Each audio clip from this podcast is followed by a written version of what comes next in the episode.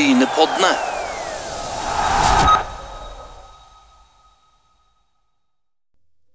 Endelig er Brynepoddene på lufta, og endelig så er det seriestart til helga. 2. april så braker det løs, og um, i løpet av denne på Brynepodden skal vi ha fyldig oppdatering fra både FKH, Sandnes Ulf og Bryne. Og da passer det jo veldig godt å starte med, med de som er lengst nord, eh, Even, og velkommen igjen til Brynepoddene.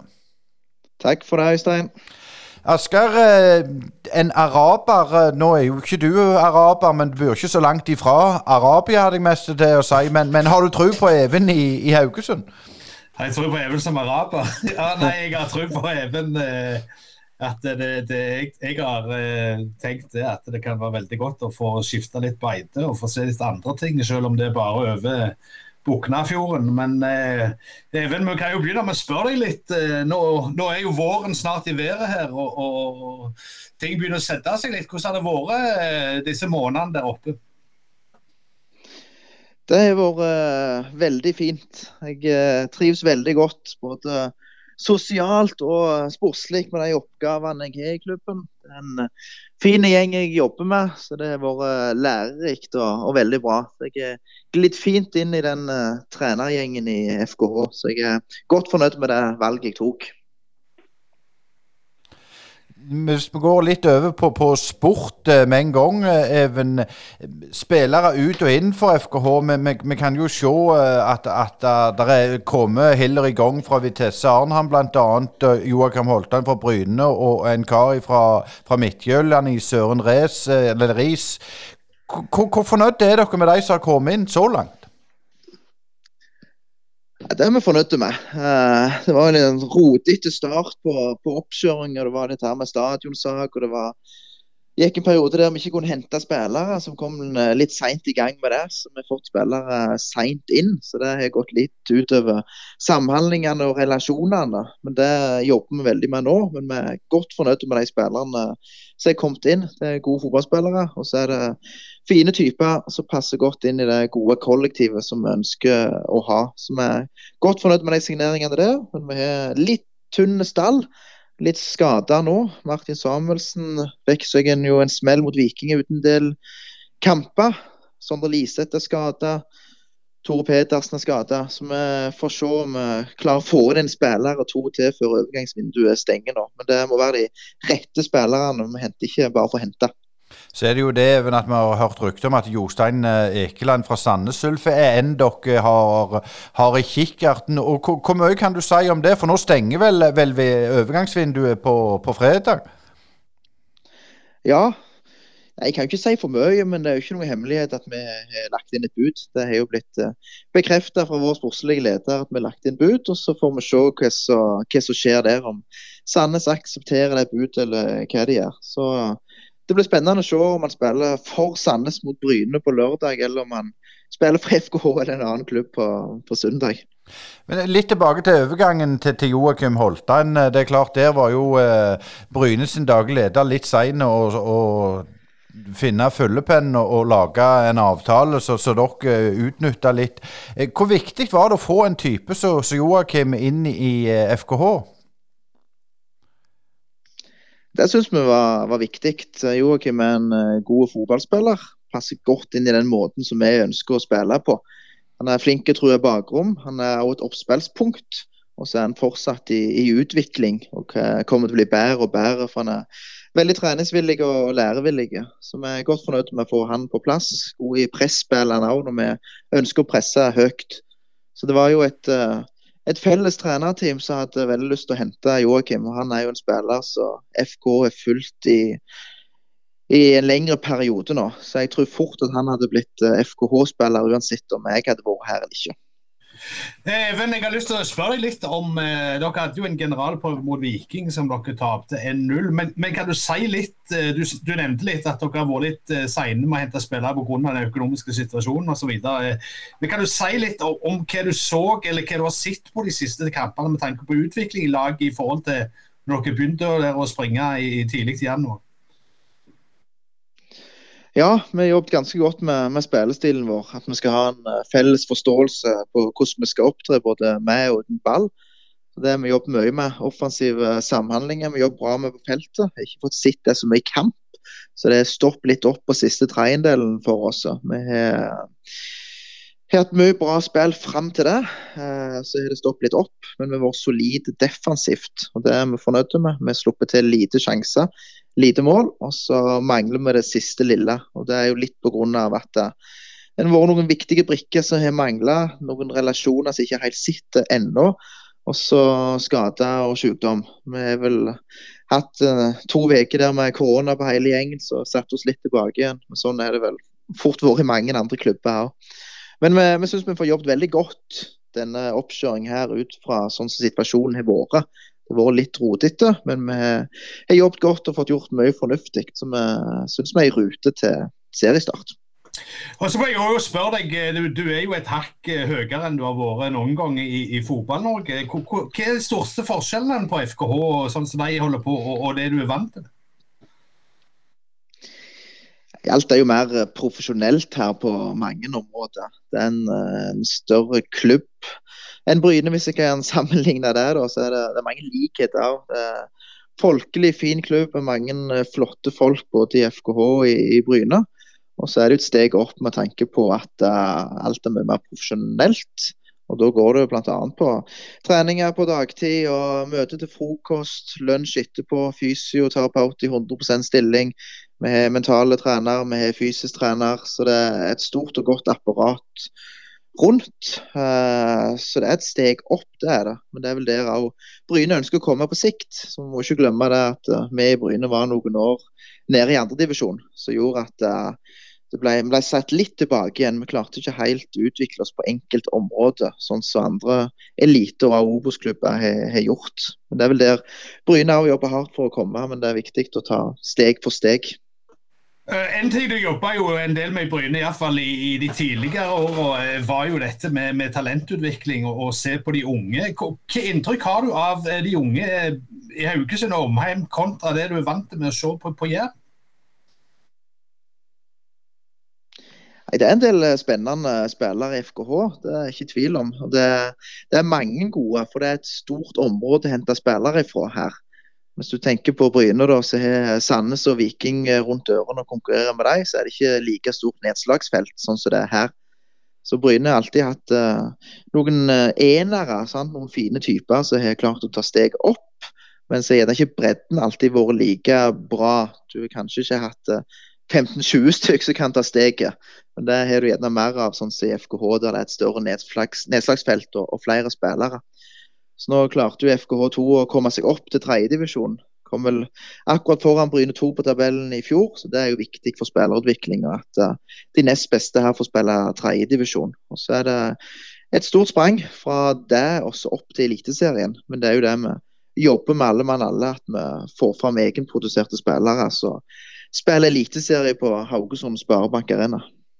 Når du er inne på det med, med, med omland og sånt, du, klart, du har jo Avaldsnes på jentesida som er i toppserien. Eh, dere er litt alene når det gjelder toppklubb på, på, Haugalandet på herresida. Er det noe du merker at dere er på en måte litt alene i, i, i forhold til f.eks. For Jæren som har, har Nærbø håndball og litt, litt andre toppklubber? Ja, du merker jo det på interessen. At uh, som du sier, ikke så mange andre som driver med toppidrett i, i lagidrett. sånn så i, i andre sida av fjorden så er det jo Bryne, og du er Viking, du er Sandnes, du er Øylands, du er nærme håndball. Det er mange. Mens her er det ikke så mange. Så det gjør jo at uh, det er stor interesse, og mange som har lyst til å se på, på FKH holder på i, i Eliteserien. Så det er stort engasjement rundt klubben, mange som bryr seg. Så det er kjekt. Og det er òg noe jeg kjenner til fra Bryne. Mange likheter der. At uh, det er mange som bryr seg, stort engasjement. Og det er veldig viktig.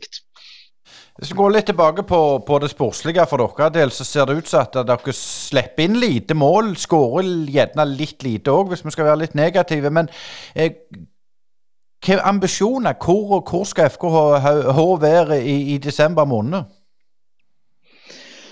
Ja, Det er vanskelig å si. Nå er det litt å begynne på nytt. Vi snakket om det på kontoret i dag, at de som starta første serierunde for FKH i fjor, der er det vel to-tre mann der som er tilgjengelige for uh, seriestarten året etterpå. Så det har vært veldig store utskiftninger både i forkant av denne sesongen med Benjamin Hansen ut med Sandberg og Velde. I fjor sommer med Mikkel Desler, Vadjis gikk ut. Mange spillere som forsvunnet ut. Så det blir en litt sånn en ny start. Du starter nytt på nytt her med en ny gjeng som vi skal jobbe langsiktig og godt med. Og Det er viktig med den utviklinga her nå. At vi utvikler oss og tar steg for steg. Samtidig som vi selvfølgelig ønsker å prestere allerede fra, fra søndag av. Men vi tror på at vi skal bli bedre og bedre. Så Det ble jo nummer 11 i fjor, så det kan jo være en, en liten målsetning hvis vi skal hive noe, at vi kan gjøre det bedre enn i fjor. At vi skal utvikle oss og, og ta steg for steg. Her, her, i vinter så var det jo en lang artikkel om, om den økonomiske situasjonen i, i FKH som, som, ikke var veldig bra. Men Eh, det er greit nok at det må, må jo administrasjonen håndtere. og Det var jo først og fremst en administrasjonssak der administrasjonen ble, ble intervjua. Sånn. Men for dere på sport, eh, sånne ting, eh, hvordan var det holdt på å si, å trå inn i denne greia igjen? Forstyrret det dere noe i arbeidet, eller, eller, var du liksom OK, dette har vært med før, det går, det går helst det går? Ja, det var jo litt den tankegangen der. Du har jo fått mye erfaring fra Brynetida, både på, på godt og vondt, på sånne ting. Men vi fikk ganske god informasjon internt her, og at det var god dialog med kommunen om denne stadionsaken. At den kom til å, å løse seg. Men samtidig så var det jo kjøpsnekt i den perioden der som gjorde at du ikke kunne hente spillere. Så det ble jo litt påvirka av det, men vi klarte å å holde roen og ha fokus på det vi skulle, skulle, gjøre noe med. og Det er viktig. Og igjen så fikk jeg og, jeg og meg god erfaring i, det i, i Bryne i fjor, der det var en del utenomsportslige ting som skjedde. Men vi klarte å holde fokus på det sportslige og det vi kan gjøre noe med. Så heldigvis ble den saken uh, løst etter hvert, som gjør at vi, vi i FKH kan hente spillere på samme nivå som tidligere. Og Da er det ikke noen sånne voldsomme summer som andre klubber i Eliteserien holder på med, men at vi iallfall kan legge litt i potten når vi skal hente spillere. En, en, annen ting som jeg har lyst til å spørre om til slutt fra, fra min kant, var, var, dette her med altså FK Haugesund var jo en, en sammenslåing i sin tid mellom Haugar og, og Djerv 1919. Vard valgte den gangen å stå utenfor. Er det noen sånne eh, halvsure Vard-folk du har truffet på som skal, skal fyre, sånn? eller, eller, er det stort sett eh, samling rundt FKH i byen? Nei, nå har jeg ikke vært lenge nok til å uttale meg så veldig om det, så det er vanskelig å si. Men jeg opplever, at det er mange som bryr seg om FKH. Og at det er mange som står sammen for å støtte FKH. Så er det sikkert noen som sier det er noen verdfolk også som ikke heier på FKH. Det, det vet jeg rett og slett ikke nok om. Men Even, eh, tilbake til sport. Du, du, dere spilte jo mot, mot Viking, og, og, i første seriekamp så skal dere ha Sandefjord, så jeg tipper Pener. Eh, hvis jeg stiller to spørsmål, hvor, hvor, hvor viktig er det med en god start for FKH, og hvor gode tror du Viking blir? Ta det første, da, så er det jo alltid viktig med en god start. Det er det jo. Selv om det bare ble delt ut tre poeng i den kampen der så er det noe med å få den godfølelsen fra start av. Når vi har første kamp på hjemmebane, så er det kjekt å kunne starte med en seier. Så det blir en, blir en tøff kamp. når jeg sitter mye på Sandefjord i dag, og det er et godt lag. Det er et litt sånn undervurdert lag som har gjort det bra nå de to siste årene. Et godt lag som er veldig gode når de får spillet sitt å sitte. Så vi må ha en, eh, en god dag med for å kunne vinne den kampen der. Det har vi god tro på.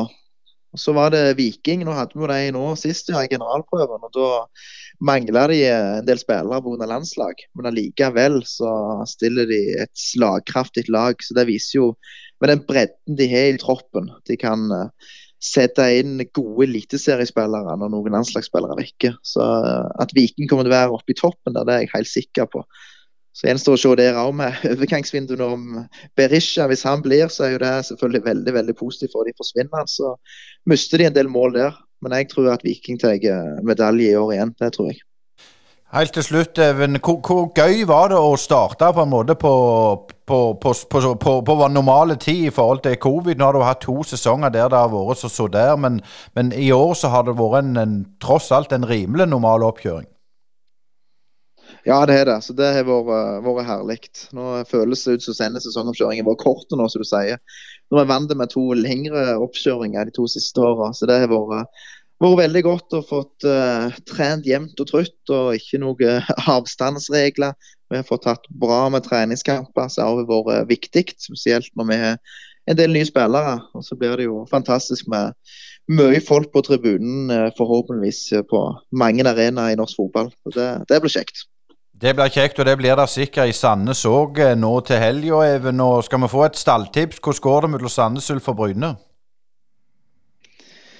Da vinner Bryne 2-1. Nå var vi uheldige, syns jeg. Ja, eller vel udyktige òg, at vi ikke vant eh, de to kampene der.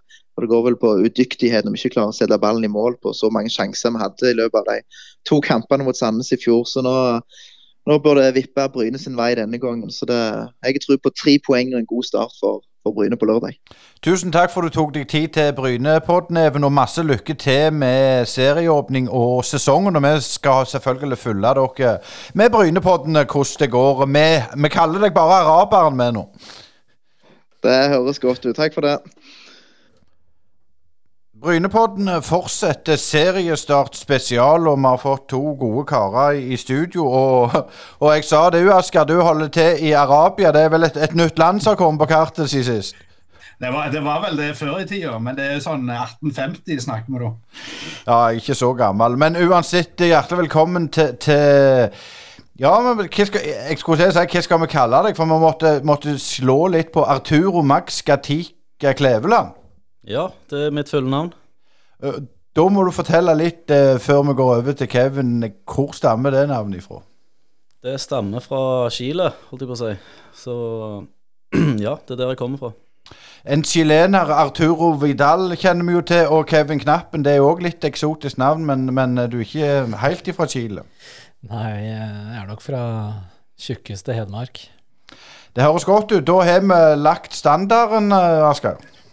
Ja, det har vi. Og, og, jeg har lyst til, siden vi har snakket med Kevin litt før i år, så har jeg lyst til å begynne med Arturo som et nytt bekjentskap for oss. Eh, I fjor, eh, før seriestart, eh, så hadde vi jo eh, Jan Halvor Halvorsen og, og Steffen Landro i studio og, og snakket før kampen mellom Sandnes og Ulf. Men Arturo er begge, altså Det har jo skjedd mye siden den gang. Begge lag har nye trenere. Eh, og du var òg med som, som, vikar en periode i stad med Boan Sajdic. Kan du si litt om, om, din vei inn i Sandnes, og, og hvordan du havna i, i, Sandnes? Du er jo opphavlig fra Storhaug. Ja. Nei, eh, min vei i Sandnes eh, kom til i eh, slutten av eh, 2017. Da jeg trente Sola i tredjedivisjon så ble jeg kontakta av uh, han som var utviklingsleder da, som heter Tommy Markowski, og spurte om jeg var interessert i et verv i Sandnes Ulf. Og så hadde vi et møte, og så ble jeg enig om å ta over rekruttlaget fra 2018. Så sånn men, var min vei inn, iallfall. Men eh, hvordan, dette med å, å, å trenervirke og treneryrke, er det noe du har hatt lyst til hele veien? Var det liksom det du ville. Altså, du, er, du er jo ikke du er jo ikke mange og 50 som mange andre trenere. Det, det, du er relativt tidlig i karrieren ennå. Kan, du si litt om, om, den tanken rundt det? Ja, men altså nå er det så mange unge trenere, så nå begynner jo jeg òg å bli gammel med mine 37, holdt jeg på å si. Men uh, jeg begynte ganske tidlig uh, i, uh, som trener på, i seniorfotballen, og det, det, var allerede i 2010, når jeg ga meg som fotballspiller sjøl på lavt nivå, altså tredjedivisjon. Så da begynte jeg, eh, og da var jeg absolutt ikke klar i det hele tatt. Men jeg hadde jo en god kompis, og vi trente jo det laget sammen. En som heter Knut Skei Solberg. Og, eh, og, det ga jo mersmak, for jeg hadde jo trent litt alders, aldersbestemt tidligere. Og så har det egentlig bare balla seg på. og Jeg har kombinert uh, lærerjobb med, med hovedsakelig i tredjedivisjon og i andredivisjon med Sola. Men, men, du var jo en habil, habil talent. Du var jo innom vikingsystemet. Når liksom, fant du ut at jeg klarer ikke køtten, eller jeg vil ikke, jeg vil heller satse på trenerkarrieren? Er det noen sånne ting som gjorde dette? Ja, litt. Altså, jeg har jo spilt, uh, spilt mye CM, så det het før i tida FM. Det, det, begynte jo litt. Jeg var jo en av de som tok på meg dressen når jeg kom til Champions League-finalen og litt sånn på, på PC òg, når jeg var yngre. Men ja, det, det begynte vel allerede litt jeg har alltid vært interessert i, i taktikken og, og, hvordan motstanderen ser ut, og hvordan vi kan straffe dem, og hva vi kan utnytte, og hvordan vi skal Altså hva tiltak vi skal gjøre for å gjøre de svake osv. Så, videre. så det har nok alltid ligget litt der. Det har det. Eh, Men Nå skal vi ikke fortelle, snakke for mye om at du er fra Chile, men, men jeg syns allikevel det er litt fascinerende, for det er jo en litt annen type fotball. Er, er det noe du har tatt med deg i din, din, inn i trenergjerninga? Nei. Nei, jeg skal ikke sitte her og lyve. Jeg, jeg kom til Norge når jeg var tre og et halvt år. Men altså, jeg, jeg følger godt med, og jeg, har, jeg føler meg chilensk. Det gjør jeg. Begge mine foreldre er- er chilenske, og, og eh, jeg har nok alltid eh, fulgt litt ekstra med på grunn av det. Det har jeg. Altså søramerikansk fotball. Og, og tidligere på, på Eurosport annet, så viste de jo en del mål og kamper og høydepunkter fra Sør-Amerika, og da steg meg gjerne litt opp på natta der uh, uten lov for å se på, for det begynte uh, halv ett på natta, husker jeg. Det, Eh, fikk- det fikk jeg med meg. Kevin, eh, Championships manager, du er vel omtrent i den aldersgruppa at det var aktuelt for deg òg, men du var vel jo mer den som, som gikk og maste på treneren om hvordan, hvordan han drev på med ting, var det? Stemmer ikke det? Jo, jeg gikk, eh, jeg gikk tett på trenerne, det gjorde de opp gjennom hele veien. Eh, Men jeg har mine timer med CM òg, det, det, det er det ingen tvil om. Så vi har sittet oppe og døgna og eh, ja, så, altså det, det var ungdommen gjennom, egentlig, å bruke Kaste skolesekken i gangen når du kom hjem, og så var det å gjøre ei økt og trene med ball, og så fort det ble mørkt, så var det å sette seg foran PC-en, og da var det, da var det manager som var greia.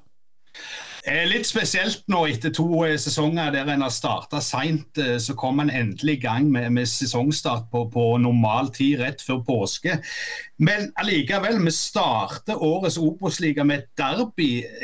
Dere to, hvordan ser dere på det å begynne med et derby? Skulle vi ikke heller hatt det rundt 16. mai, der begge lagene var litt i gang og en fikk litt mer feeling? Trenger man noe særlig feeling før man drar i gang? Det er jo greit å starte med et brak òg. Et skikkelig smell første kamp. Få vekke folk og få alle i gang. Eh, Det, det tenker jeg er helt topp. Ja. Så eh, vi gleder oss voldsomt i hvert fall til, å ta, til å ta turen inn til Sandnes på lørdag. Ja, for vår del så tror jeg òg det passer veldig fint å møte Bryne nå. Da lager vi fest allerede første serierunde, og det syns iallfall vi er veldig kjekt. Og jeg regner med Bryne syns det er kjekt, så det blir en fest. Men Arthur, jeg jeg har lyst til å spørre deg litt. altså Du var jo eh, med eh, holdt jeg på å si, denne stadion ble bygd inn i Sandnes, eh, Østerhus Arena. og dere hadde vel gått der og smågleda dere hele den våren 2020, eller seinvinteren 2020, for at dere skulle komme i gang og få innvia den nye stadion. Altså, for deg som, som ikke har vært så mye media rundt akkurat det der, hvordan opplevdes det altså, å se at eh, dere måtte spille, eller først vente i et nesten halvt år, og så åpne opp igjen for tomme tribuner. Var det litt som en sånn liten downturn for, for din egen del? ah, jeg syns Altså for min del og for vår del, altså det, det bare det å flytte inn på en sånn stadion tror jeg ga mer Altså, det var en opptur for alle, for hele klubben og altså alle ansatte. Eh, Det var noe helt nytt fra Det er ikke noe vondt med Ulfhuset, men det var ganske skrått tak eh, på toppen og, og det var dårlig plass etter hvert. Men, men ja, altså vi, vi, vi satt jo og gleda oss til å spille mot Viking foran fullsatt stadion før det brøt løst og alt ble avlyst. Så det hadde vært noe, det.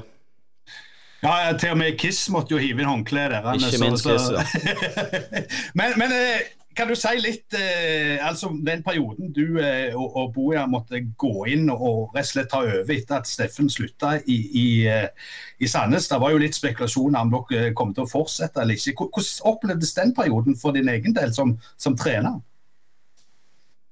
Uh, nei, jeg syns det, det var litt tungt i starten, for jeg uh, fant tonen fort og uh, godt med Steffen. eh, og likte Steffen veldig godt. Liker han fortsatt, eh, og vi har fortsatt kontakt.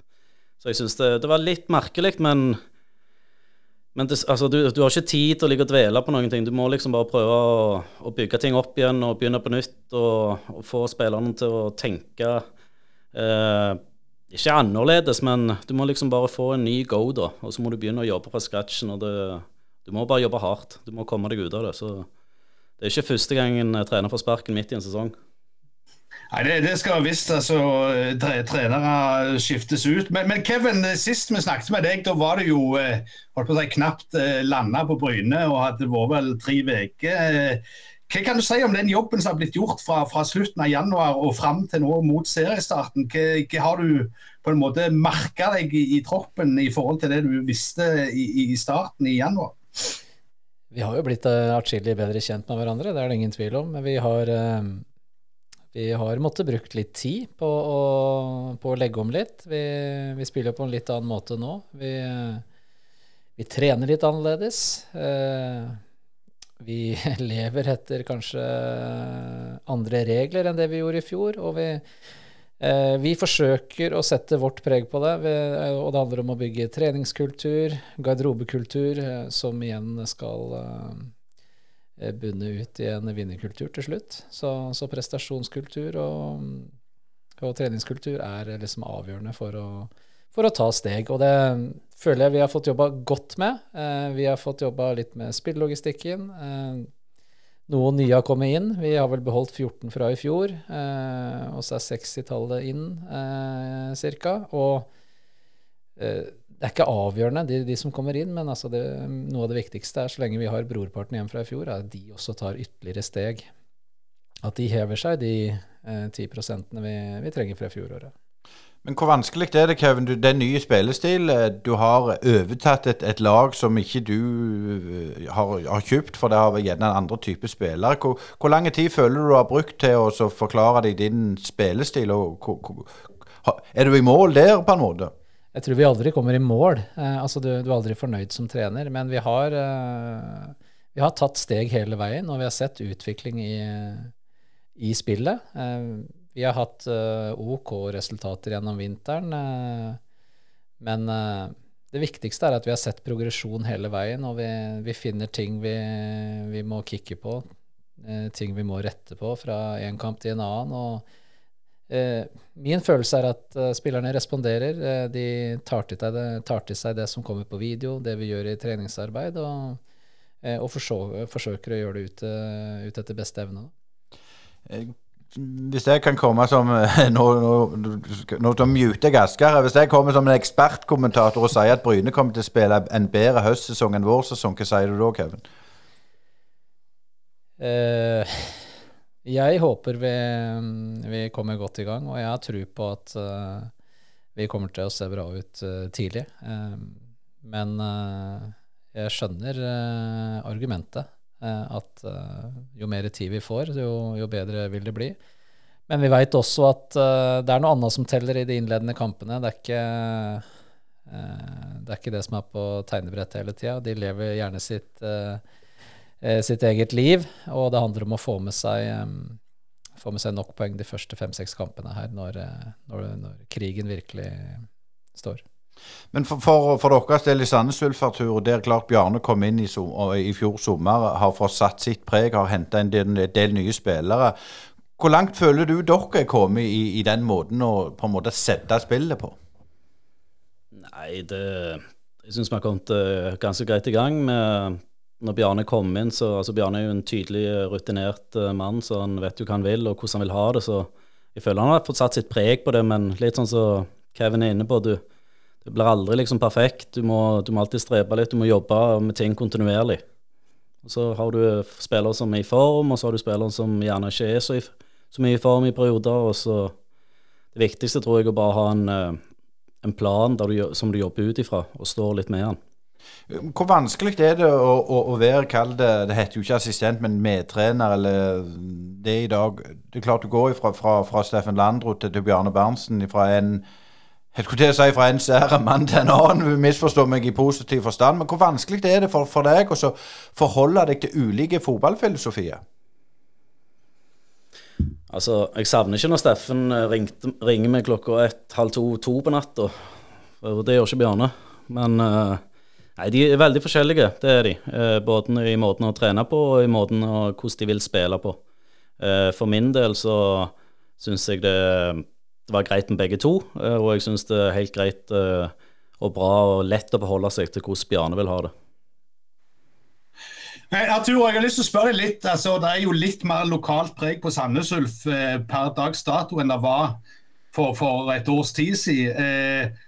Eh, du kjenner jo eh, fotballmiljøet i Rogaland godt. Bjarne gjør det selvfølgelig det er enda bedre. Han husker jo tilbake til, langt tilbake til 70-tallet. Men jeg merker du det forskjell liksom, på interessen mot Sandnes Ulf når det er liksom, flere som kan liksom, skrive seg til Sandnes og omegn, enn kontra det som var i fjor, når det var hovedsakelig folk fra andre kanter av land? Ja, jeg, sy syns det har tatt seg opp eh, etter hvert når eh, når et par av de unge har fått spilletid og, uh, og fornya tillit, så syns jeg de har tatt seg opp. Og, og det er jo viktig. Sant? Som du sier, det, det, er litt mer lokale spillere og mange unge spillere nå. Og det skaper jo litt interesse. Det gjør jo det, uten tvil. Og Kevin, du er jo holdt på å si motsatt fortegn. Eh, vi snakket så vidt det var med, med en annen kar her. og og Det som har skjedd i Bryne, det er at en har eh, mye kosta både på trener, daglig leder og, og som styreleder. Eh, eh, hvordan har det vært for deg å sette seg inn på en måte i rogalandsfotballen og, og kulturen rundt der? Er det, er det, noen forskjeller du har merka deg allerede fra, fra Hødd? Nei, eh, ikke, så, ikke, så, stor forskjell fra Hødd. Eh, en del av de prinsippene og reglene de lever etter her, med hardt arbeid og folkelighet, det var også det, var også det i, i, i Hødd. Så det er, det er, forholdsvis likt. Ingen store, store, forskjeller. Men eh, jeg tror det er en uh, grei eh, måte å komme inn på. Det, det, er som du sier, det er en del nye koster inn. Uh, Kanskje også trengtes det på enkeltområder. Eh, vi får en fresh start, alle mann. Eh, og så er det jo noen som eh, fortsatt er der og, og kan dra litt eh, kontinuitet. Så jeg tror eh, vi sammen skal, skal, klare å bygge dette godt. Jeg tenker litt på, på de siste treningskampene som har vært. Så har Sandnes Ulf sluppet inn mye mål. Bryne har vært litt tettere men, men, den oppkjøringa i Norge, og det har jeg sagt før i denne Brynepodden, at det, det må vel være det landet i verden som er mest opptatt av treningskamper og resultat. Hva, hva tenker du om det, Artur? Ja, det er jeg enig i. Uh, det er ikke få ganger jeg har vært uh, og sett lag i oppkjøring som Jeg føler iallfall det er en sånn ting at folk skal begynne å bare spille seg ut bakfra, og så begynner serien, og så ser du det ikke én gang. Det har jeg sett før. Uh, I Marbella et par ganger iallfall ganske tydelig. Så ja, jeg tror gjerne de legger litt mer i treningskamper i Norge enn hva de gjør i andre land. Det kan godt stemme. Jo, eh, jeg er helt enig med det at eh, en del spiller treningskampene som eh, totalt forskjellig fra hva de ville ha gjort i serie. Så, og så er det de som står brakk ved sin stil uansett, som, som Åsane f.eks. er et godt eksempel på nå i, nå i Obos. Så, men ja. Eh, vi forsøker hele veien å jobbe med, med arbeidsoppgaver og, eh, og progresjon i, i, treningsarbeid. Og vi, vi, ønsker å trene som vi spiller, da. Og vi ønsker ikke å spille noe annerledes i treningskampene enn det vi skal gjøre i serien. Men sånn som begge to her kjenner Dere kjenner jo sikkert hverandre fra før av. Begge lag kjenner hverandre ekstremt godt. Eh, du Arthur og du Kevin, dere kan ta ut så mye informasjon la motstanderlaget så Ja, alt er jo tilgjengelig. Absolutt alt. Eh, hvordan er det dere jobber inn mot en kamp nå, Arthur, mot Bryne f.eks.? Altså, hvordan jobber du? Altså, det er, det er liksom, fortell oss litt om hva, hva har du gjort denne uka, skulle jeg si. Nei, det, det blir som uh, Altså, du jobber akkurat som det er en helt vanlig kamp, for du gjør de samme tingene. Altså, du, ser de, du ser de på video, du ser hva de gjør, uh, og så trener du sant? og prøver å se hvordan skal vi se ut defensivt, hvordan skal vi se ut offensivt. Men uh, i sånne kamper så er det alltid, altså det er alltid ny, et eller annet som skjer som du ikke forventer. Sant? Du, jeg tror nok uh, uansett uh, hvordan vi vender og vrir, og hvor mye video vi ser, og hvor mange klipp vi kunne vist hver spiller, så, så, er det innsats, og du må spille med hjertet, og du må vise det. Altså, da tror jeg du kan få noe ut av Jo, det er det, er det, det, er det samme. Vi, vi veit det meste om hverandre, som du er inne på. Det man ikke kanskje har lagt frem nå, da, er jo det hvis man har enkelte trekk i faste situasjoner osv. Det, det gjør man, sparer man jo gjerne i treningskampene, og så jobber man inn mot eh, serie. Og så veit du det at har du gjort det én gang i et seriespill eh, eller en serierunde, så må du endre det til neste runde. Så, så dette er sånn som, som, alltid ligger der. Men eh, det handler om eh, inngang til kamp, rett tenningsnivå. Eh, å være dønn til stede når, eh, når signalet eh, går. Det, det, er det det handler om også. Disse, disse kampene lever sitt eget liv, og ikke mange store overraskelser kommer. Vi skal innom litt, eller Neste bolt blir liksom spillere inn og ut. Men, men, jeg tenker nå har det jo vært litt sånn ja, Hva skal vi si? Dybevik muligens på vei ut. Holtan gikk for dere. Så er det snakk om Jostein Ekeland til DFKH. Mye sånn, kall det støy, da. Er det noe dere henger dere opp i og irriterer dere over, eller er det bare sånn blitt en del av, av greia? Nei, altså Det skjedde jo i fjor òg, med Reds. Rett før seriestart, så Nei, altså Uh, Jostein er jo vår kaptein, men uh, altså, vinduet er fortsatt åpent. Alt kan skje. Uh, så det er ikke noe vi går rundt og tenker veldig mye på. Men vi må jo ha en plan hvis ting skjer, selvfølgelig. Og så er det jo veldig kort i tid og veldig dårlig tid og alt det der. Det stenger vel i morgen, mm. så vidt jeg vet. Så. Men det er vanskelig å gjøre noe konkret når du ikke vet det konkrete utfallet ennå. Så. Ja, nei, det vi får jo det, eller jeg i hvert fall har fått stilt det spørsmålet hver dag de siste måneden, om det skjer noe på overgangsfronten. Og det, det kan det jo gjøre. Eh, og det, vi fikk jo inn en i går. Eh, og dette har vi sagt at dette, dette lever jo hele veien, og ting kan skje. Det kan komme bud på våre spillere, eh, og da kan ikke det komme som julekvelden på kjerringa. Da, da, må du ha en, liste klar, da. Du må, du må ha et du må ha et A4-ark, og der har du skyggespillere som uh, kan være aktuelle hvis ting også skulle skje i din stand. Mm. Uh, hvis vi går over på Sandnes Ulf sitt uh, lag med, med, nye spillere, det er jo Kristoffer Hei fra, henta fra, fra, Bryne, Tommy Høiland fra Viking, Alexander Stølås Haugesund og Marit Ramsland Start. Dere har valgt å gå for rutine og at de har Obos- og tippeligaerfaring. Er det vært et bevisst valg? Ja, det har nok vært et bevisst valg hvis du ser på resten av troppen og, og alderssammensetningen der. Og at det er veldig mange gutter født 03-04 osv. Så, videre, så det har nok vært helt bevisst. Eh, for, for, din del, Kevin, dere har henta litt eh, skal man si, litt annerledes. Altså, det, det Jørgen Voilås, uh, Ingmar Austberg, Kristian Røer fra Kongsvinger riktignok, Albert Braut Kjåland fra, fra, Molde, lån riktignok. Sigurd Grønli kom fra Tromsdalen, Arne Gunnes fra Levanger, og nå sist Daniel Hermansson fra Vasterås. Henta litt yngre, og har det med økonomi å gjøre, eller har det med litt uh, din måte å tenke fotball på? det er nok sammensatt, men, eh, men vi, vi, er ikke i posisjon til eh, en del av våre konkurrenter rent økonomisk. Og, og det at uh, Sandnes kan hente spillere fra Eliteserien, og med den erfaringen, det, det, der er ikke vi. Rett og slett. Så vi må, vi må se på andre prospekter. Og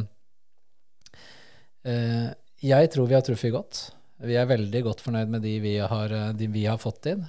Og Eh, vi mener det også ligger ei stor oppside der, da, hvis vi, hvis vi lykkes. Og den oppsida, den er Nei, vi kan drive lønnsom spillelogistikk. Det handler om at, å, å hente inn spillere på en, uh, for en lav pris. Og slår de gjennom, så kan du selge de for en høy pris. Og skal du selge spillere i dag, så må de ha en ung alder. Nå føler jeg meg inne på noe her, Asker. Nå nå kan de bli litt sinte på noe. For nå, når den ene sier den andre har mye penger, det liker vi.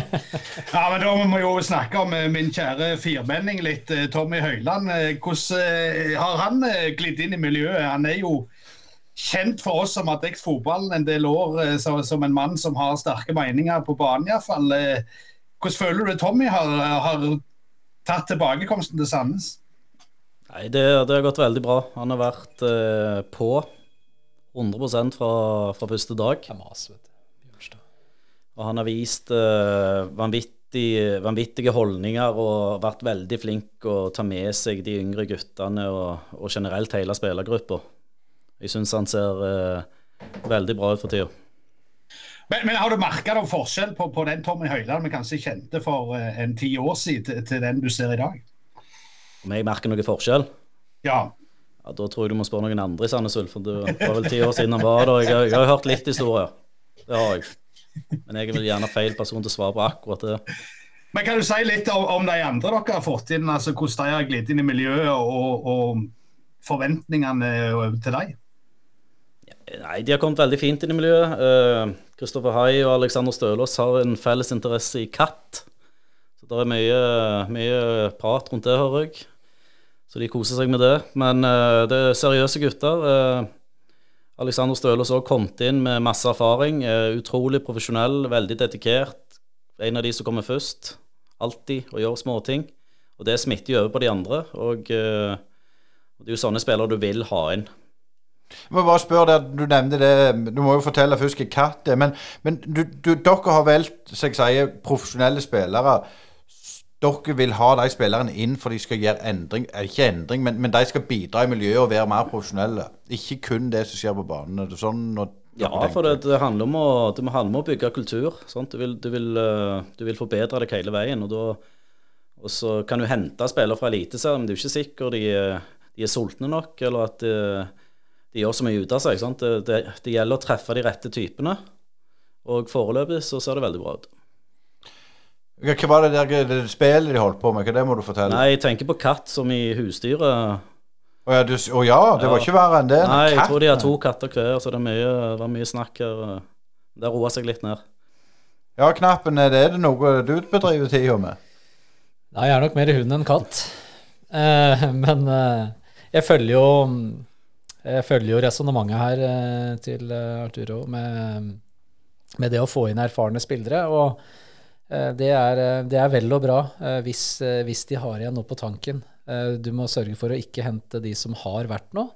Men hvis de har igjen noe på tanken, så kan det være veldig godt. For det er jo gjerne en floskel som blir brukt rundt omkring i hele landet, føler jeg, da, blant, eh, blant oss nordmenn, at vi må satse på de unge sultne hele veien. Og det er å kaste stein i glasshus. for jeg har noen av de spillere jeg jobba med, har de mest sultne kanskje vært de mest erfarne også. Eh, Kevin, kan du si litt om, om de du har fått inn, altså hvordan de har glitt inn i miljøet, og, og hvilke forventninger du, du, har sett deg til dem? Altså, Albert Braut Sjåland er jo på lån fra Molde. Han, han, er jo kjent med miljøet fra før av. Men, men det andre som har kommet inn fra, fra Levanger og, og, Sverige nå sist, og, og sånn, hvordan, føler altså, hva, hva er tanken rundt deg? Ja, det er kult når hvis jeg sier at nei, de har slitt veldig med å komme inn i miljøet. Vi, vi, vi ser alle, alle at dette har gått veldig fint. Eh, men eh, ja, eh, det, jeg kan ikke si noe annet, jeg heller. Det, det har gått bra. Men vi har ei, vi har ei fin gruppe som, som, tar imot våre spillere på en veldig veldig god måte. Så den er lett å komme inn i. Og vi har også henta spillere da, som ikke er bare til stede, men de kan by på seg sjøl, og det er et fast håndtrykk. De møter deg med blikket. De, de kan bidra fra dag én. Eh, så det har vært viktig for oss å ikke bare hente spilleren, men også en som eh, eh, kan legge et fottrykk igjen i Bryne. Du har jo testa ut en del svensker og, og, dansker vel nå i løpet av vinteren, men til slutt så lander du på Daniel Hermansson. Hva var det som gjorde at han ble overbevist deg om at det var rette karen å hente? Nei, Nå har vi vært innom mange, som du sier, men uh, vi har uh, ikke følt oss trygge på det som har vært innom uh, tidligere. vi, vi føler vi fikk gode referanser her på, på, Daniel, og uten å tømme noe pengesekk i det hele tatt, så, så er dette en gunstig avtale for, for oss. Og eh, oppsida der også er bra med at vi får en 23-åring som, eh, som, er sulten på, på et eventyr. og eh, har gjort eh, gode kamper i, på, på, samme nivå i Sverige. Så, og han har noe som vi ikke har det, i den posisjonen i, i stallen per i dag, med ja, eh, sin fart, eh, sin aggressivitet 1-1 og da spesielt også bra med ball i det, både i det lange og det nære spillet, som, eh, som en wingback eh, og sidestopper. Ja, rundt hundreårsskiftet så var jo Bryne sånn et mini-Sverige, så, så, det er jo godt å se, se en svenske tilbake igjen på, på, på, på Bryne stadion. Men kan du si litt om, om, det som skjedde nå i sist treningskamp? Altså, det var et par hodeskader der. Hvordan, går det med dem? Er de, er de tilbake igjen og fit for fight, eller er dere litt sånn hold igjen ennå? Nei, det er, ikke noe, er ikke noe gunstig å få de, og du blir jo litt, uh, litt engstelig uh, og bekymra. For du veit jo hvor, hvor, hardt det kan sitte i. Vi, Vi, har, eh, vi er Pål i trening. Eh, han, eh, han, trente både i går og i dag. Arne har ikke vært i trening ennå. Og det er jo på bakgrunn av at smellen hans var, var tøffere enn en Pål sin. Og han var ikke helt ved sine fulle fem rett etterpå. Vi går over til, til Sandnes Ulf, så ser vi jo at de har mista Erlend Hustad tilbake til, til, til Brann etter lånet. Nå er han jo i Jerv og skårte mot, mot Bryne sist. Um, og Michael Baidoo gikk til Elfborg i Sverige. Um, to vanvittig gode spillere, Arturo, så det er ikke noe kvikkfiks å, å erstatte dem. Eh, eller føler dere dere rimelig trygge på at dere har, har erstatta dem? Nei, jeg føler meg rimelig trygge på at vi har erstatta dem med Tommy og Martin inn. og på topp der, iallfall. Erlend var jo spiss. Nå vi spilte jo mye med, med kun én spiss i fjor, og det var jo hovedsakelig uh, Erlend som spilte. Uh, men nå har vi mange å ta av oppe der. Vi har veldig mange spisser, og nå spiller vi med to. Så jeg tror vi har syv spisser noe sånt med de unge. Så vi har nok spisser. Det, det som vi hører på Jæren, det er jo at Sandnes har mye penger og ikke, ikke har satser på ungdommen og talentene. Men dere har fått inn en 16-åring eller, eller 17-åring, hvem må du arrestere meg i, Daniel Braut, eh, eller Braut, da. Eh, fortell litt om, om, om han, og hvilke kvaliteter har han? For han har jo spilt ganske mye på A-lag allerede. Ja, nei, Daniel Braut er en eh, gutt, ganske stor gutt, som er født i 2005 som fikk debuten sin for rekruttlaget i fjor. I fjerdedivisjon og, og gjorde sine saker veldig bra der. Og, og, planen har jo vært hele veien at han etter hvert, hvis han fortsetter sin utvikling, og at han skal prøve seg med A-laget. Så, så, det fikk han eh, i månedsskiftet januar-februar, og tok vare på muligheten. Ja, for det, det, det er nettopp det neste spørsmålet, å ta vare på muligheten. Men, men, hva er det dere ser etter, eller du ser etter spesielt når du skal gi folk muligheten?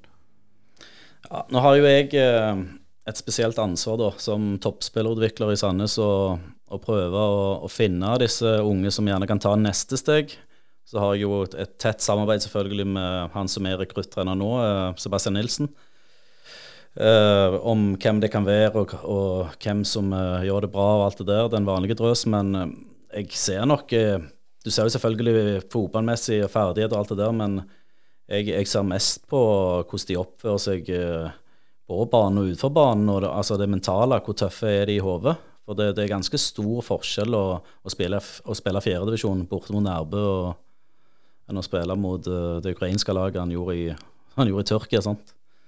Så treningshverdagen er jo en helt annen på A-laget. Og, og, selv om du er stor og sterk i fysisk, så er han fortsatt bare 16 år eh, i hodet. Så det vil, det vil svinge. Eh, Kevin, du kjørte jo en, en, policy i vinter der du rullerte litt på de unge inn og ut, og fikk sett litt om hvordan ståa var blant de unge i Bryne FK. Eh, hva lærdommer har du høsta det så langt? Nei, det, vi, vi, har jo endt med å ta opp uh, Eller ta inn uh, Paul, da. Ulenes. Så det handler om at de må de må vise seg eh, fram på en god måte, være ydmyke, men likevel frekke sånn fotballmessig. Og så, eh, etter at de er hospitert hos oss, så må de være rollemodeller når de kommer ned på, på rekrutt og junior. Det må de, det må de takle. Så vi har hatt innom jevnlig to, eh, to til tre hver, eh, hver, eneste uke, så vi føler nå at vi har en eh, god oversikt over, over våre unge. Men, men, har du altså Bryne er jo fullt av og sikkert Ulf òg, fullt av historier om eh, unge gutter som blir tatt opp i A-troppen, skriver sin første kontrakt på, på, to år, og så er de king of the city, og, og så havner de i Rossland eller i Gandal eller i Sandve Eh, to år seinere. Er det noe som du kjenner igjen òg, Arturo, i, i Ulf? Dette? Ja. Eh, altså Nå har jeg vært der i fire år, så det er jo ikke sånn at eh, det har vært en flust med spillere som har fått kontrakter mens jeg har vært. Men det har vært en del, og, og noen jo under, har jo falt under den kategorien der. Der de gjerne får en toårskontrakt, og så, så stopper det litt opp. Uh, så det, det, er jo litt av min jobb da, å prøve at uh, de fortsetter å, å, jobbe hardt, og at de fortsetter å ha utvikling og sult. Og det som Kevin sa nettopp, det er òg veldig viktig for oss. Uh, det nytter ikke å være på A-laget, så skal du plutselig ned på juniorlaget eller rekruttlaget, og, og så gir du blanke F. sant? De, da skal de være rollemodeller, og de må vise hvorfor de, de har fått muligheten for A-laget. Kevin, eh, i motsetning til Arturo, som har liksom flytta seg 25 eh, minutter kjøring, så har du jo du vært både på Østlandet, Nordvestlandet og nå, nå på Jæren. Er det noen forskjell på de unge rundt forbi landet som du har merka? Er det noen kanter av landet der de er mer ivrige enn en andreplass, eller er det litt sånn tilfeldig fra årgang til årgang? Ja, jeg, jeg, tror det er litt mer tilfeldig. For uh, i de klubbene jeg har vært, og der jeg har vært innom, så Eh, så tror jeg nok det har vært eh, litt mer tilfeldig at det har kommet opp eh, mange gode og, og unge spillere. Det har vært litt prisgitt gode kull med kanskje gode foreldretrenere. Det har ikke vært en rød tråd eller en sterk nok struktur da, i den utviklingsstigen. Så det, der tror jeg mange, eller de fleste lag på, på vårt nivå, har, har, mye å hente. Det at det skrus til Eh, altså når du er på 13, eh, at du skal inn på 15-17, at du kanskje møter en ny trener på hvert nivå. Eh, en som ikke følger dem hele veien. Du får en ny stemme å forholde deg til. Eh, det blir nye krav stilt. Det, på den måten tror jeg vi kan få, fra, få fram mange flere. For jeg har en følelse av at mange Eh, blir eh, hypa og skrytt opp veldig ofte. Eh, og vi snakker om talenter, og så får de muligheten og kommer opp, så er de fornøyde, og så møter de motgang, og så er de ferdige. Ja, Når du nevner det, så har jo for Brynes en del det forsvunnet òg. Joakim Holtan, offensiv spiller. Daniel Karlsbakk til Viking, offensiv spiller. Meinhard Olsen til Mjøndalen. Det er jo selvfølgelig dumt å spørre en trener er det noe du, du ville hatt med videre. De er der ikke nå, og det er et hypotetisk spørsmål. Men, men, men allikevel, hvor, hvor, vanskelig er det når du hele veien må jobbe? Det gjelder jo begge. Du må jo jobbe med nye spillere hele veien. Ja, men det er en del av, det er en del av greia. Dette veit man. og vi ønsker jo å ha spillere som, som ønsker seg videre. Eh, for det gjør at de, de, gjør en skikkelig jobb her. Eh, for da må de vise seg fram. Eh, og ha spillere som er som er fornøyde og vil sette seg ned og slå seg til ro, det, det er ikke fullt så interessant. Vi, vi, vil opp og frem som klubb, og gjerne ha spillere som vil det samme. Og hvis ikke vi kan følge de på reisen, hvis de eh, vokser fortere enn oss, så må vi da gjøre god butikk, eh, og så får vi da hente inn eh, nye, nye prosjekter. Eh, Asker, vi må vel over til, til kampen se på, på lørdag, for det blir en ryser. og hva, hva, tenker du, Asker? Jeg har lyst, lyst til å spørre deg. Jeg vil ta et intervju med deg nå. Hva, hva tror du om kampen, du?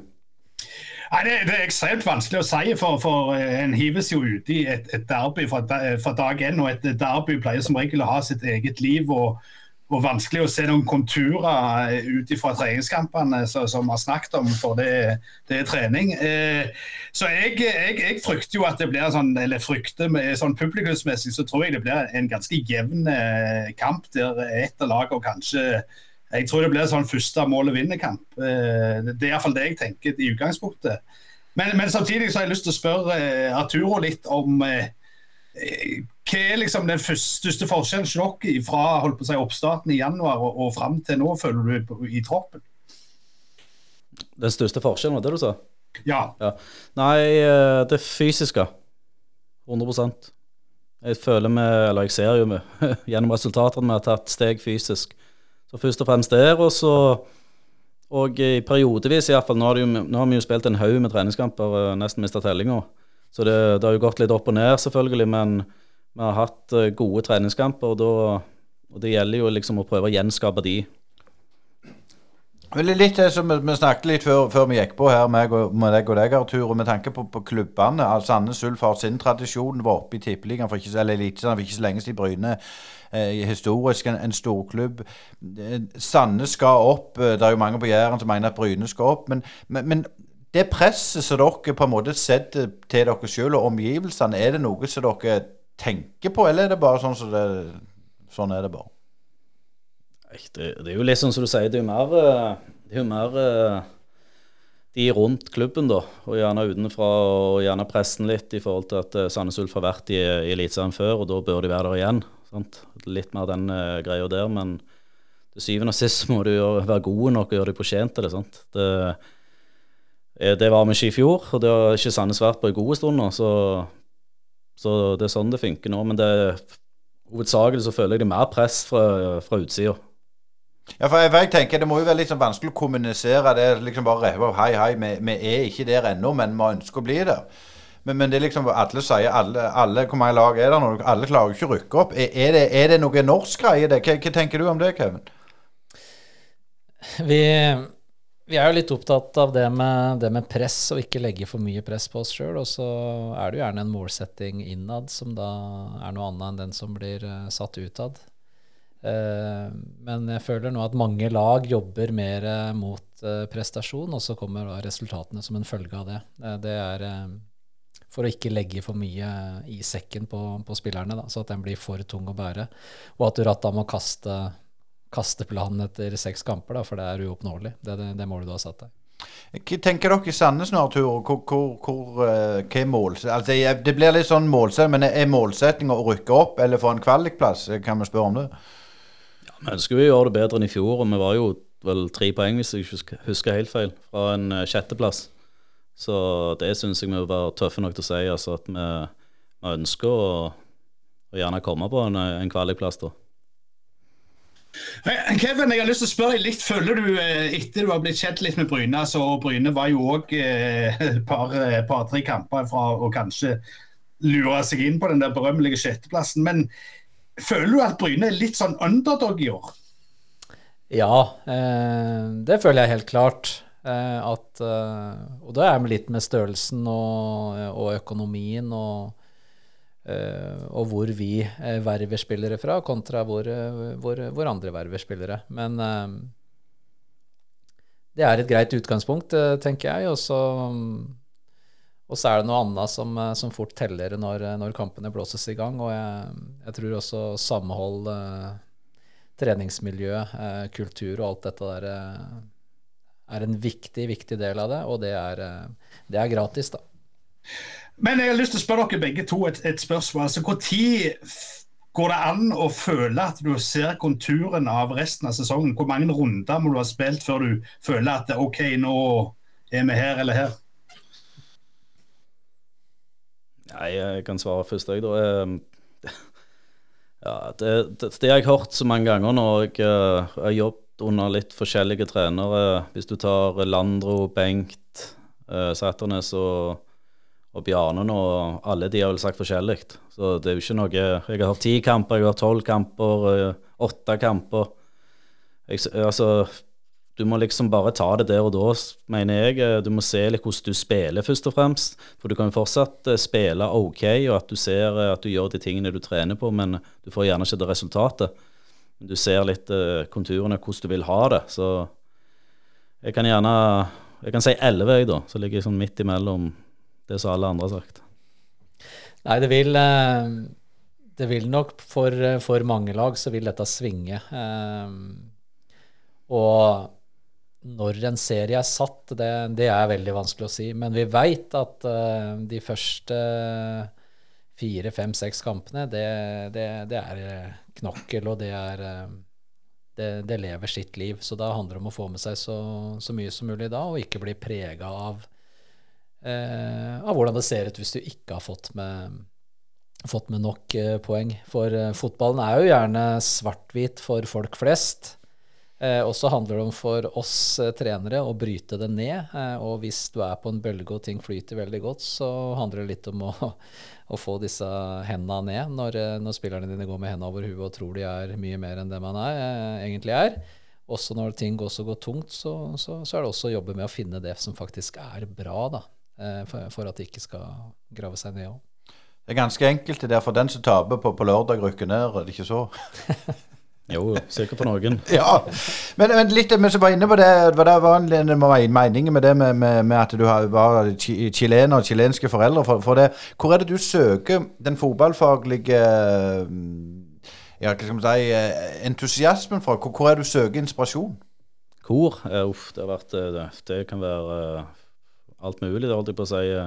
Tidlig så var det jo ofte at jeg eh, gikk og så på Viking, eh, inviterte meg sjøl inn der eh, og var der et par uker. Eh, det har vært i, eh, hos andre trenere som jeg kjenner, eller som jeg har blitt kjent med. Så, og det har litt med at du gjerne vil se hvordan de trener, eh, hvordan de spiller, hvordan de gjør det før kamper, etter kamper, altså alt for- og etterarbeid. Det, kan være, det kan være litt på YouTube. Kan, og så er det jo selvfølgelig Jeg ser mye fotball. Det gjør jeg. Jeg bruker mye tid på fotball. og og du klarer alltid å dra med deg litt ting og tang, men altså, Du kan se så mye YouTube du vil, holdt jeg på å si, men du må, du må finne din måte å, å klare å uh, kommunisere det ut på feltet til syvende og sist, for at uh, spillerne skal forstå det. sant?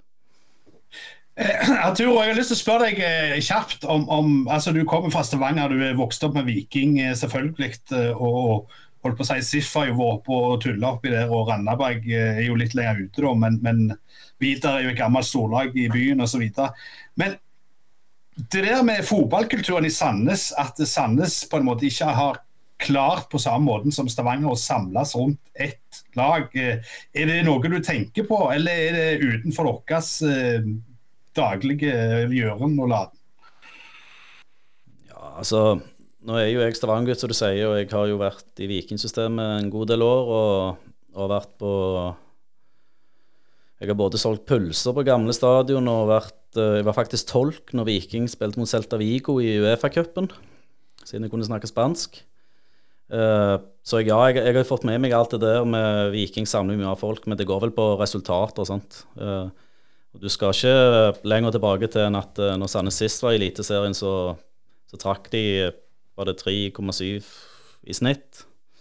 3700 tilskuere i snitt, så hvis vi vinner kamper, så kommer det mer folk. Det, det er jeg 100 overbevist om. Litt sånn videre, Arthur. Hvilken målsetninger og hva ønsker du? Ønsker du å bli en hovedtrener? Ønsker du å bli en spiller i en annen klubb? Eller ønsker du å bli lærer eh, på Storhaug igjen, hadde jeg mest sagt. Hva, hva målsetninger har du personlig? Ja, jeg, jeg, har, eh, jeg, har, lyst til å prøve meg som hovedtrener. For hvis ikke så hadde jeg eh, blitt lærer igjen. Og gjerne eh, trent eh, sønnen min sitt lag. Men eh, jeg har alltid hatt som mål om å bli hovedtrener på høyest mulig nivå. Og eh, samtidig så er jeg veldig sånn av personlig av meg sjøl så er jeg veldig lojal mot de arbeidsoppgavene jeg får. så så Det er jeg jo ikke nå, men jeg er blodlojal mot, eh, mot Sandnes Ulf og den muligheten jeg har fått. Og, og det, å lære, altså lærer kan jeg bli når som helst, for det, det er stor mangel på lærere. Jeg, hadde, jeg vet med meg sjøl at jeg hadde angra hvis jeg ikke hadde sagt ja til Sandnes Ulf.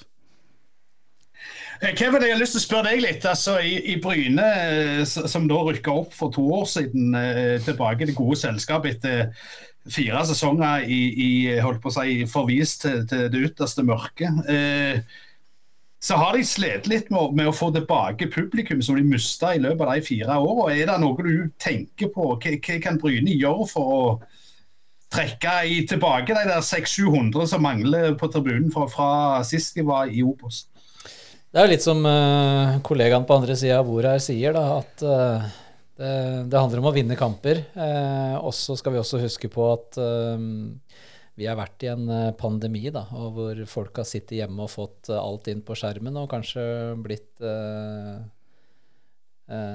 komfortable med det. Og det er litt vanskeligere å, å, å få med ut i vær og vind. men det handler om at vi leverer gode resultater, og så handler, handler, det også om at vi, vi klarer å selge produktet vårt godt. Ikke bare fotballkampen, men vi må, vi må tilby noe mer på stadion. Og så må vi være um, flinke i alle mulige sosiale medier for å, for å hype produktet vårt. Eh, Arturo, nå skal ikke dere røpe alt dere sett på, på video. Og, og, jeg vet ikke hva dere sett på video, det kan jo være Smoking and the Bandit eller hva som helst. Men altså, hva slags Bryne-lag eh, tror dere møter nå til helga? Nei, jeg tror vi møter Bryne sånn som de har sett ut i treningskampene. Eh, godt organisert, eh, aggressive, eh, fysiske, robuste. Eh, og så må vi prøve å matche det. Men jeg er altså Jeg tror ikke Kevin og co.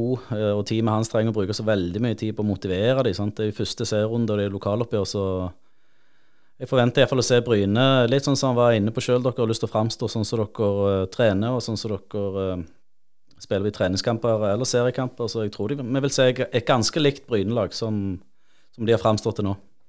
Og Kevin, hva har du sett i, i dine videoer? Nei, vi har sett et, eh, et Ulf som eh, så veldig sterk ut innledningsvis i oppkjøringa, eh, med gode resultater. Og var offensive, sånn sett. Og så har de gått på et par skjær i sjøl nå, nå, i det siste. Og, og, da begynner jo folk å skrike litt rundt om der også, så Men vi vi veit at dette er en, eh, en, eh, en tøff nøtt. Vi, vi, skal inn dit. De er, eh, de er favoritter, det, det, er de. Men vi veit at begge kampene der i fjor også ble veldig jevne. Og det var vel en ja, ettmålseier i begge til, til, til Ulf. Så vi får, vi får, satse på å snu på det nå. Men hvilke svakheter føler du Brynelaget har, så, så dere kan ta dem på, Arthur?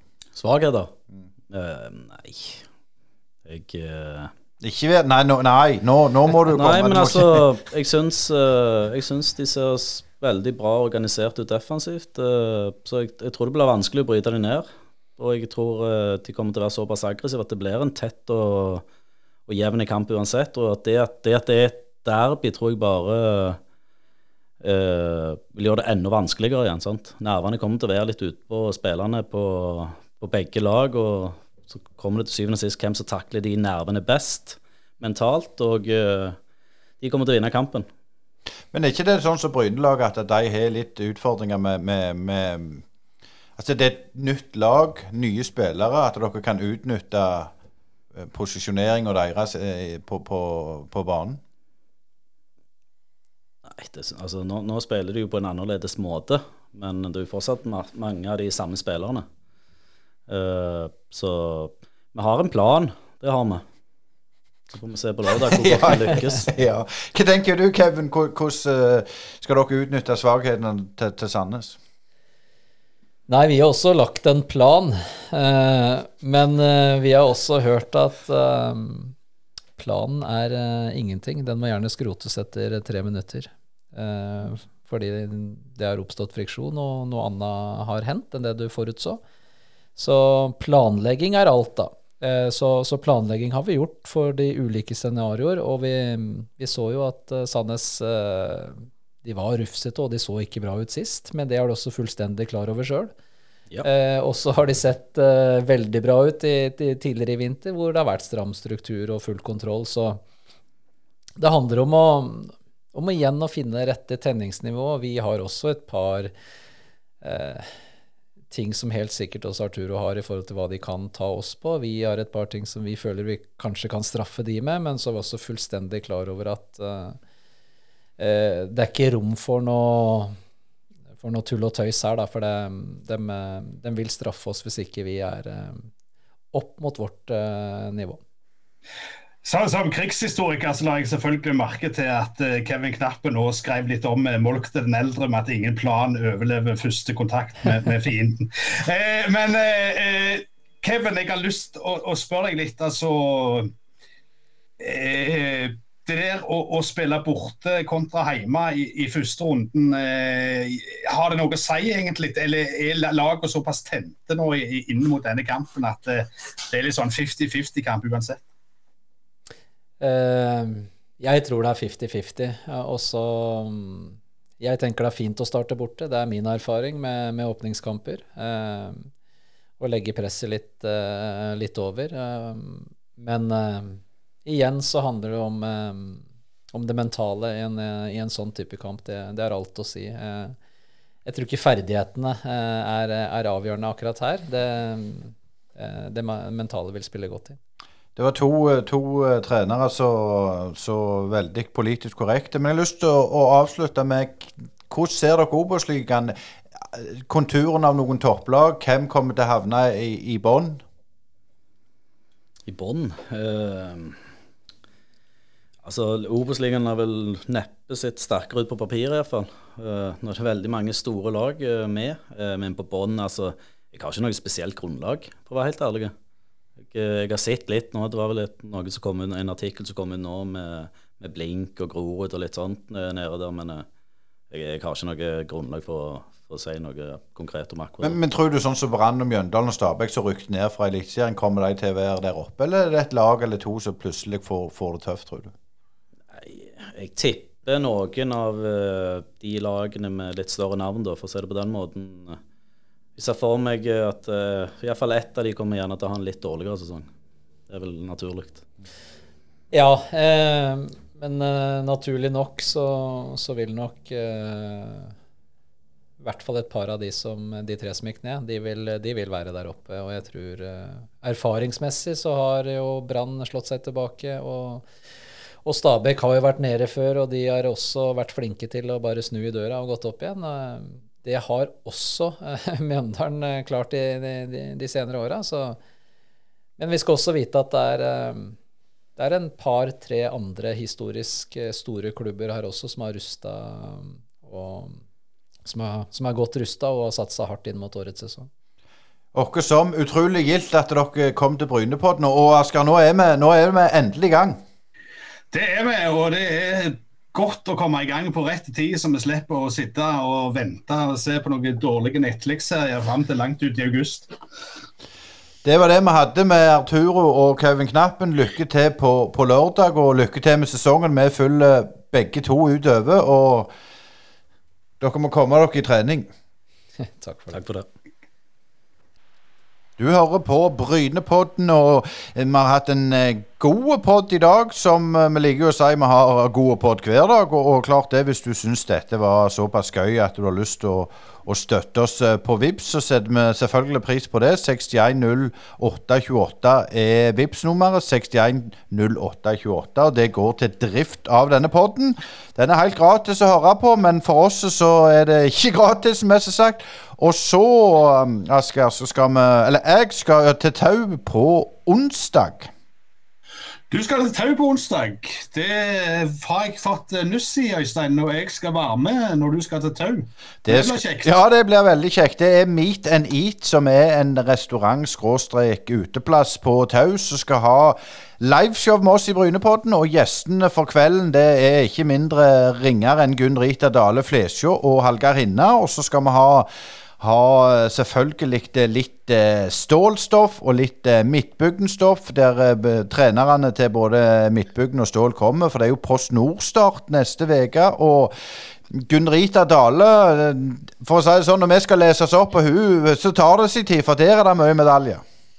Det er mye medaljer fra OL og, og nedover, får en vel si. Så, så det blir spennende å, å høre hva hun har å si. Hun har jo gjort Sandnesbua seg eh, siden du vokste opp inne i Bjøreisbygda. Så vi gleder oss til den kvelden, Øystein. Og det blir kjekt å komme inn til Ryfylke. Det skal bli stas, og det er, det er gratis for, for eh, folk å komme til Meet Neat, så bare kontakt Meet Neat og bestill bord. Der er det ikke så mange ledige plasser, etter så ryktene sier, men sjekk de opp på Facebook, eller vår eh, arrangement på Facebook, og, og bestill et bord der for en kjekk kveld i lag med, med Gunn Rita og Hallgeir Hinna, annet.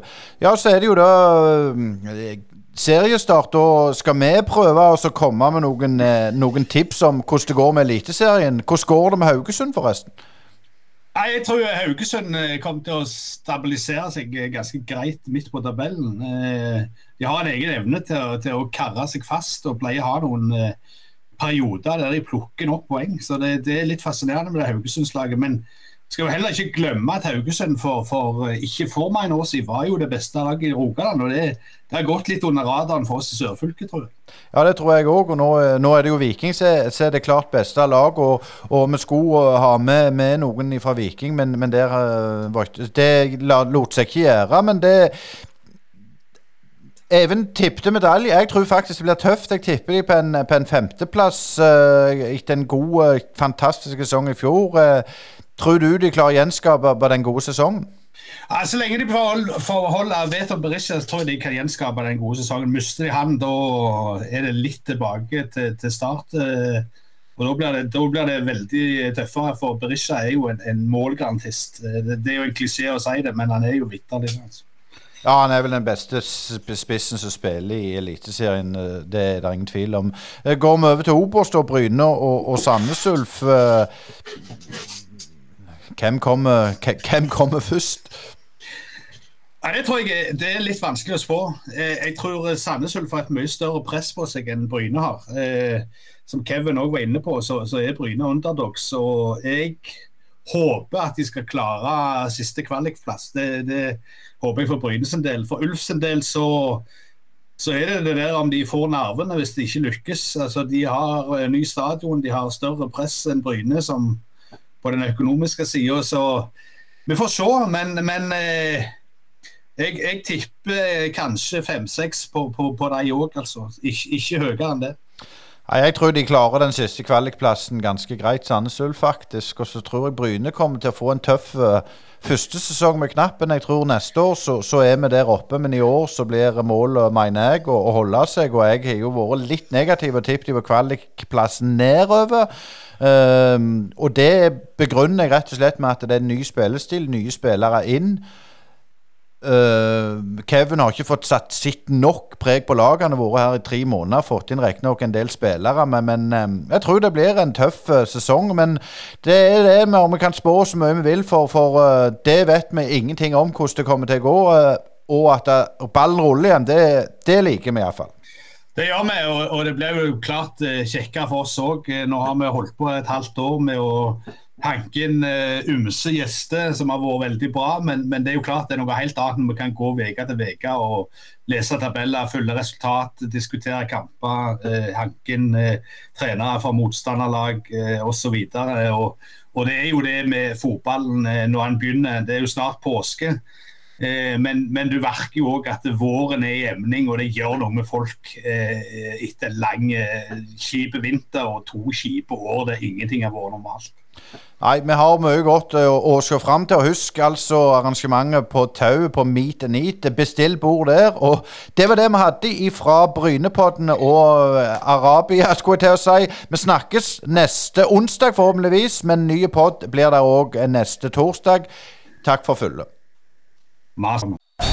Brynepoddene.